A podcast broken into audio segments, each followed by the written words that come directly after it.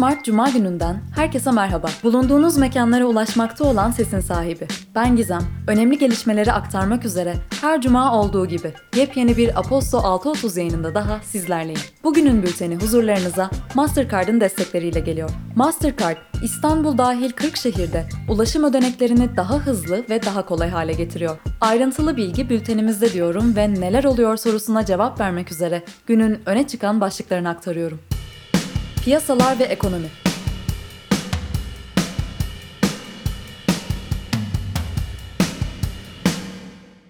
Merkez Bankası, Şubat ayında yıllık %15,61'e gelerek 2019 ortasından bu yana görülen en yüksek seviyeye çıkan tüketici enflasyonuna dair yaptığı değerlendirmede yıllık enflasyonun alt gruplar genelinde yükseldiğini ve artışta en belirgin katkının temel mal ve gıda gruplarından geldiğini ifade etti. Bununla birlikte bu yıl Ocak ayında enflasyon sepetinde yapılan ağırlık güncellemesinin Şubat ayı itibarıyla nihai rakama 0,4 puan artış yönünde yansıdığını belirten TCMB, etkinin Nisan ayında 0,5 puana çıktıktan sonra kademeli olarak azalacağını ve yıl sonunda ortadan kalkacağını kaydetti.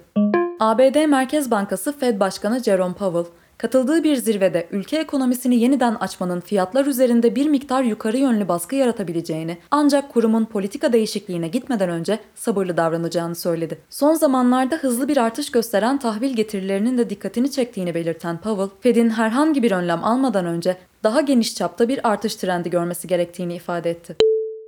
Powell'ın yorumlarının ardından Dow Jones Endeksi gün içinde 700 puandan fazla değer kaybettikten sonra günü yaklaşık %1,2'lik düşüşle tamamladı. S&P 500'de de benzer kayıplar görülürken Nasdaq Birleşik Endeksi günü yıla başladığı noktanın gerisinde kapattı.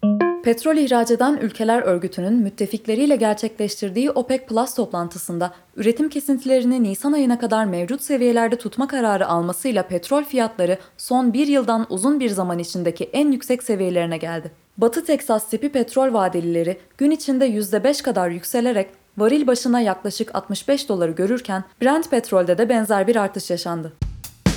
İş Dünyası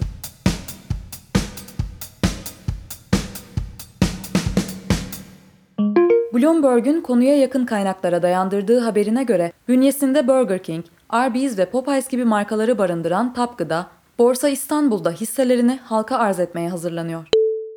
Tap Gıda, 2018 yılında New York borsasında hisselerini halka arz etme kararı almış ancak küresel piyasalarda yaşanan satış dalgası nedeniyle bu kararından vazgeçmişti.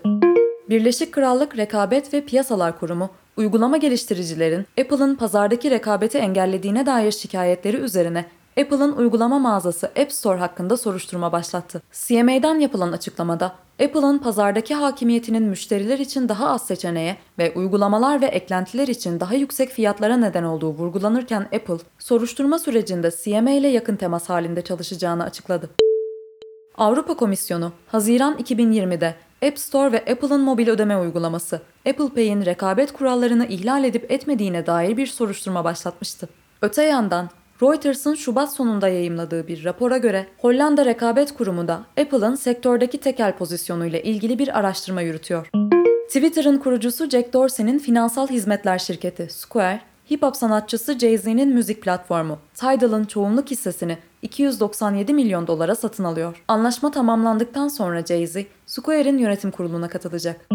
Birleşik Krallık merkezli yemek teslimatı şirketi Deliveroo, 2021'in sonu için planladığı halka arzını Londra borsasında gerçekleştirmeye karar verdi. Şirket, kurucusu ve CEO'su Will Shu'nun şirketteki pozisyonunu korumak ve daha fazla oy hakkına sahip olmasına imkan vermek amacıyla halka arzında iki kademeli hisse yapısını tercih edecek.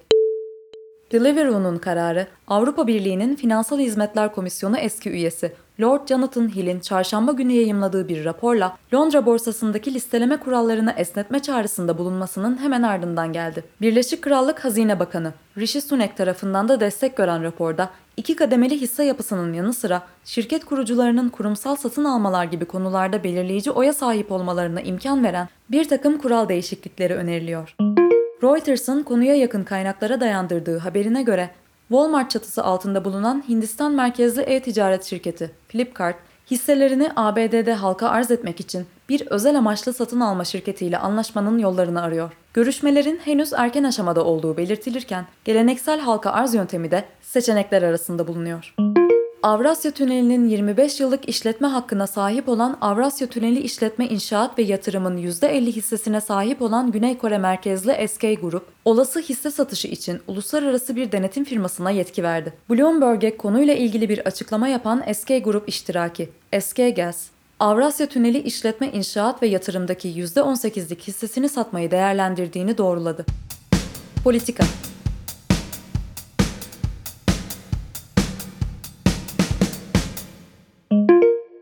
Parti İstanbul Milletvekili Ümit Özdağ partisinden istifa etti. Özdağ, FETÖ ile iltisaklı kişilerin partiye sızdığını, partinin yöneticiler tarafından CHP'nin uydu partisine dönüştürüldüğünü iddia etti. İyi Parti lideri Meral Akşener, temel hakem millettir, başarılar diliyorum açıklamasında bulundu. Özdağ, partinin İstanbul İl Başkanı Buğra Kavuncu'nun FETÖ ile iltisaklı olduğuna dair iddialarının ardından partiden ihraç edilmiş, mahkemenin kararı iptal etmesiyle partiye geri dönmüştü.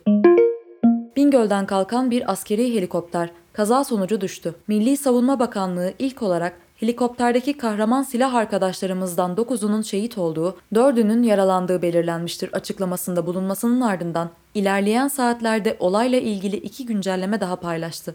Bakanlık son olarak Tatvan'da kaza kırıma uğrayan helikopterdeki kahraman silah arkadaşlarımızdan biri daha kurtarılamayarak şehit olmuştur. Şehit sayımız 11'e yükselmiştir açıklamasını yaptı.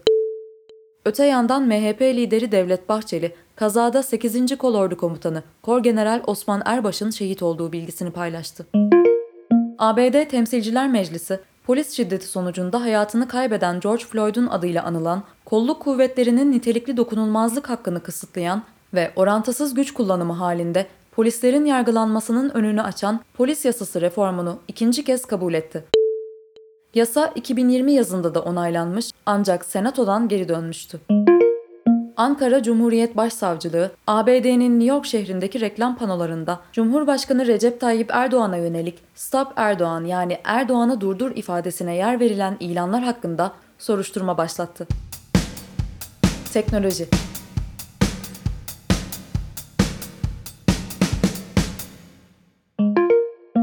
WhatsApp yeni güncellemesiyle masaüstü uygulamasından uçtan uca şifrelenmiş görüntülü ve sesli arama yapılabileceğini duyurdu. Görüşmeler şu an için yalnızca birebir olarak yapılabilecek ancak uygulamanın ileride ikiden fazla kişinin katıldığı görüşmeleri de desteklemesi bekleniyor. Apple, kullanıcıların fotoğraf ve videolarını iCloud albümünden Google Fotoğraflara yedeklemesini sağlayan yeni bir hizmet sunuyor. Apple'ın gizlilik sitesinden giriş yapılarak gerçekleştirilen aktarma işlemi 3 gün ila 1 hafta arasında sürebiliyor. Microsoft'un yenilikçi ve deneysel uygulamalarla ilgilenen proje bölümü Garaj, toplantılardaki konuşmaların gerçek zamanlı olarak çevrilmesini, yazılmasını ve kaydedilmesini sağlayan yapay zeka destekli Group Transcribe uygulamasını kullanıma açtı. 80'den fazla dili destekleyen uygulama şimdilik yalnızca iOS için geliştirildi. Netflix, filmler, diziler ve stand-up gösterilerinden kısa ve komik videolar sunan Fastloves özelliğini duyurdu. Kullanıcıların videoları kendi listelerine kaydedip başkalarıyla paylaşmalarına olanak sağlayan bu özellik şimdilik yalnızca belirli ülkelerdeki iPhone kullanıcıları tarafından kullanılabiliyor ancak Netflix duyurusunda Android için de geliştirme yapılacağını paylaştı.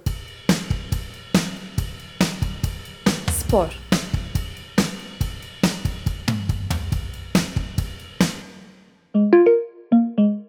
Süper Lig ekiplerinden Çaykur Rizespor, teknik direktör Marius Şumudika ile karşılıklı anlaşarak yollarını ayırdığını açıkladı. Şumudika yönetimindeki Çaykur Rizespor, ligde çıktığı 7 maçta hiç galibiyet alamazken sahadan 4 mağlubiyet ve 3 beraberlikle ayrılmıştı.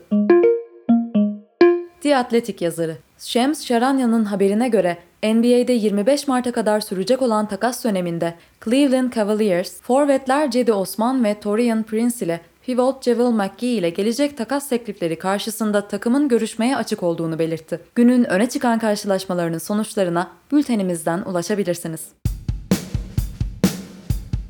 Günün hikayesi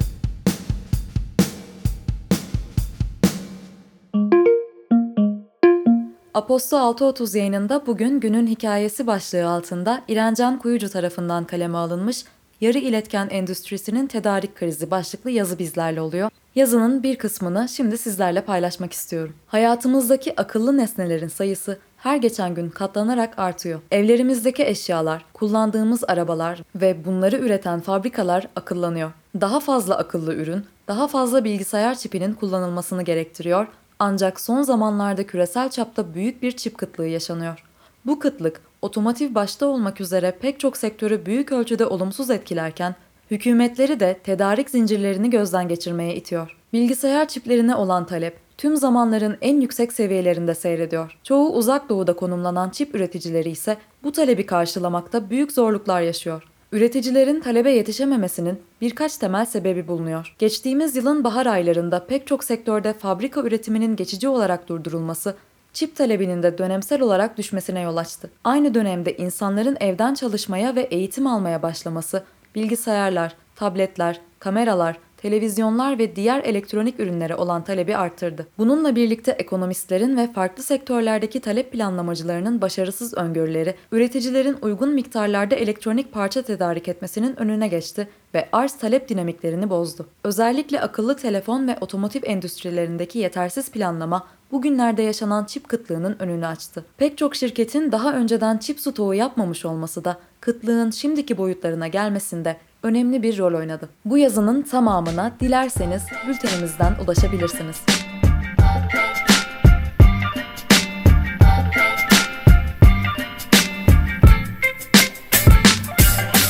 Her cuma olduğu gibi bugün de bir Aposto 6.30 yayınında daha ben Gizem'leydiniz.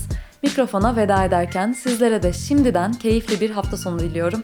Tekrar buluşuncaya dek hoşçakalın.